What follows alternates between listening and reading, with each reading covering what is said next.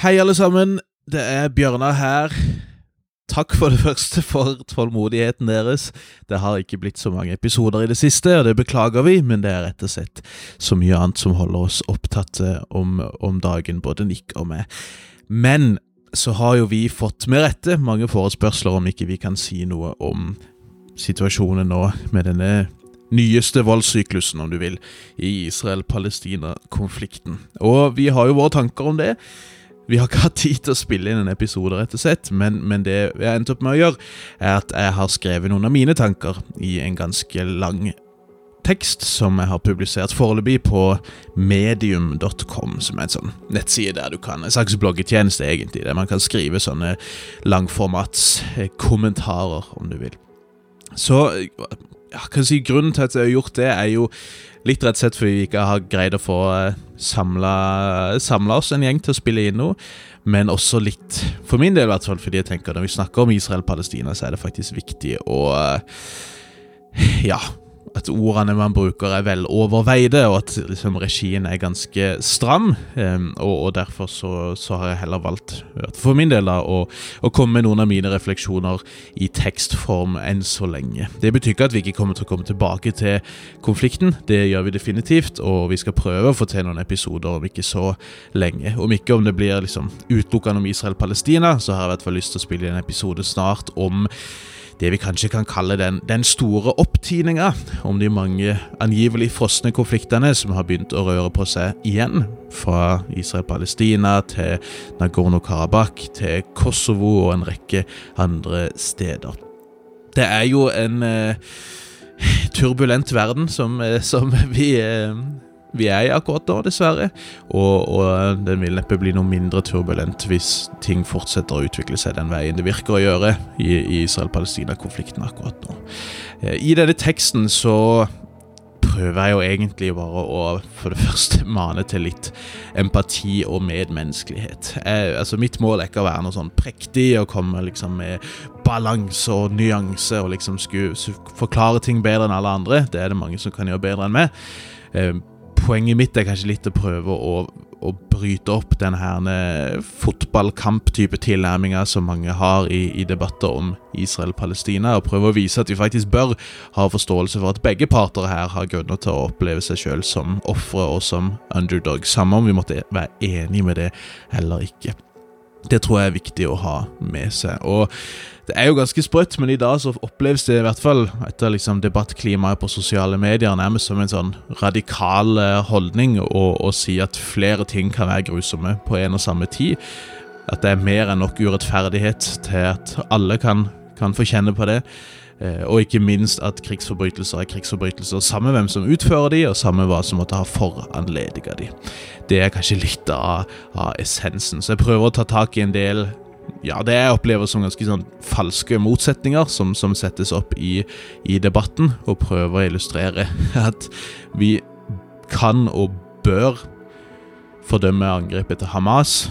Grusomt og grusomt brutalt angrep som, som altså, Hvis ikke refleksen vår er å kjenne på avsky og fordømmelse, så tenker jeg vi faktisk bør gå i oss sjøl. Det samme kan jo også sies om hvordan vi skal reagere på Israels voldsomme respons, som jeg i teksten beskriver som forutsigbar, forståelig og forferdelig. Rett og slett. Og jeg går litt mer, mer inn i hvorfor jeg mener det i, i selve teksten. Two wrongs don't make a right, sies det på engelsk. Jeg vet ikke om vi har et godt ord for det på norsk, men uansett så er jo det litt av essensen her. Jeg bruker ikke veldig mye tid på mulige sånne framtidsutsikter, rett og slett fordi ja, jeg tenker de som, de som, sier at de vet hvordan ting kommer til å utvikle seg nå, de, de lyver, for det vet ingen. Jeg ser mange måter dette kan bli veldig mye verre på. Jeg ser ganske få scenarioer hvor dette blir bedre uten å bli veldig mye verre først. Jeg håper jo så klart jeg tar feil, og det kan godt være jeg gjør. Det håper jeg i hvert fall. Men det er litt sånn som jeg, jeg ser situasjonen nå.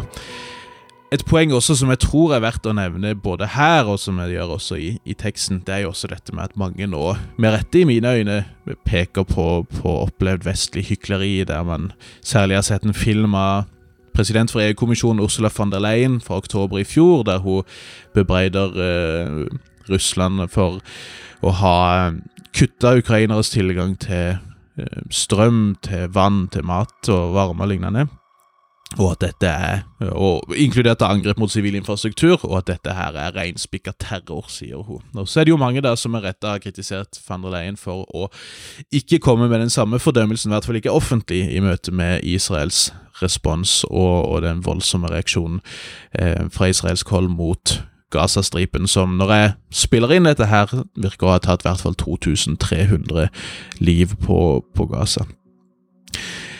Mitt jeg skal ikke kalle det å si at det er min kjepphest, men min innvending mot den opplevelsen der er ikke at den er feil i og for seg. Jeg er helt enig med at EU og Vesten for øvrig har mye å tape på å bli sett for å være så åpenbart hyklerske og drive og snakke om regler og verdier i noen kontekster, men ikke faktisk eh, å si tukte de man elsker når det kommer til, til Israel. I hvert fall så har de ikke gjort det offentlig ennå. Mitt poeng vil jo være at dette her, så ille som det er, dessverre ikke er unikt for relasjonen til Israel, men at dette egentlig er et nokså utbredt fenomen. Sant?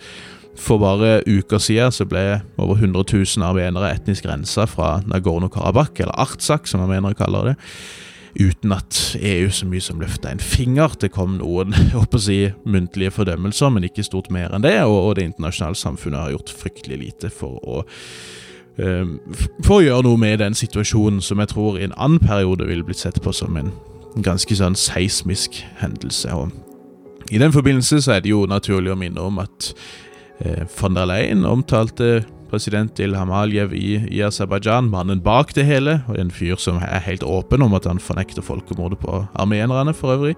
Eh, hun omtalte han som en, en eh, helt avgjørende partner for, for, EU senest i fjor, fordi eh, Aserbajdsjan har forsynt EU med eh, store mengder gass under disse sanksjonene mot, mot, Russland. Vi kunne sagt det samme om, om Etiopia.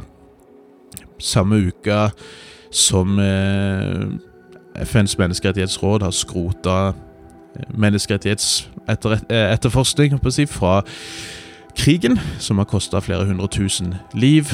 Eh, kort tid etter dette her også, for så vidt, så, så kom FNs spesialrådgiver for forebygging av folkemord ut og sa at det er en forhøyna fare for folkemord og andre grusomheter i Etiopia. Samtidig som dette pågår, så har EU gjort veldig mye for å prøve å normalisere sitt forhold til Etiopia og til statsminister Abiy Ahmed, som, som, jo er mannen bak mange av disse forbrytelsene til syvende og sist. Som, som forteller oss at, at, dessverre så stikker ikke nødvendigvis disse verdiene og, og, reglene som han angivelig bygger opp om, så veldig dypt når det kommer til stykket. og det er det vi trenger så klart ikke se lenger enn til, til Middelhavet og de mange menneskene som har mista livet der dels pga. EU-politikk, for, for å, å, se at det poenget der eh, dessverre er et poeng som er gyldig også langt utover Israel-Palestina-konflikten. Og jeg tror i den forbindelse også helt avslutningsvis at det er viktig at vi har klart for oss at sivile i Ukraina, sivile i Israel og Palestina, det de har som veldig mange andre ikke har, det er oppmerksomhet. Og i hvert fall i Ukrainas tilfelle en vilje til å handle og til å gripe inn. Det har ikke de aller fleste sivile som mister livet i krig. For de fleste sivile som blir massakrert når kriger pågår, de har ikke luksusen av å bli gjenstand for debatt i første omgang. Og det er det veldig viktig at vi har klart for oss. Om det er sivile i Sudan, om det er sivile i Myanmar, eller i Etiopia eller Mali, eller hvor det måtte være.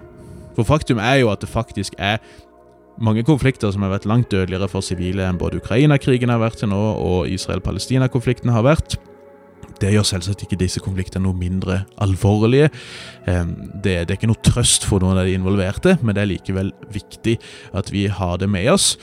Eh, for å si mengden medieoppmerksomhet konflikter får, trenger ikke nødvendigvis å være en god indikator på hvor si, alvorlige disse konfliktene er humanitært sett. Og det håper jeg vi kan, vi kan være enige om å prøve å ha i, i bakhodet oppi alt dette her.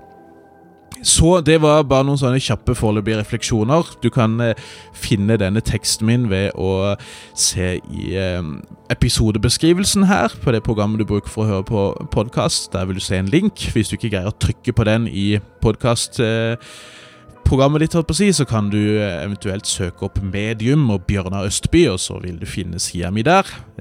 Teksten heter noe sånt som 'Noen foreløpige refleksjoner om Israel-Palestina-konfliktens nyeste voldssyklus', tror jeg var tittelen på den. Den vil også som sagt bli lagt ut på hjemmesidene til Oslo nye høgskole nokså snart. Og jeg kommer til å oppdatere episodesbeskrivelsen med en, en, link dit. Dette er jo da så klart mine oppfatninger, ikke skolens offisielle policy eller noe sånt. Så, så hvis det er noe du er uenig i, noe som du mener er feil, eller noe som er utelatt eller lignende, så står jo det så klart da på, på min regning. Så tusen takk for eh, oppmerksomheten, tusen takk for tålmodigheten. Jeg håper det kan være litt eh, nyttig lesning. Og så håper vi på å være tilbake med noen episoder for dere nokså snart igjen. Takk for nå, alt godt, vi høres.